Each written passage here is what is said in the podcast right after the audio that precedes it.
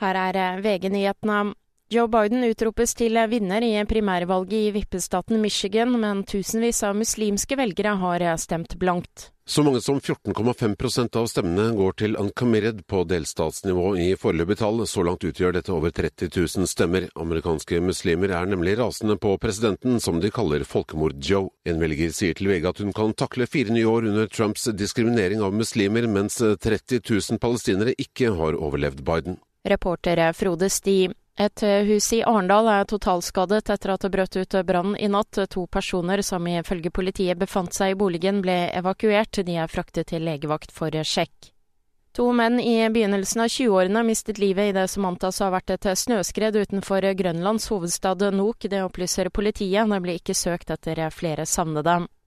Senterpartiet Trøndelag vil kvitte seg med russebusser. De vil også at russeklær som representerer grupperinger ikke skal brukes på fylkets videregående skoler. Partiet mener russefeiringen har sklidd ut og at det er skapt en ukultur, skriver Trønderavisa. I studio, Kristin Strand, nyhetene får du alltid på VG.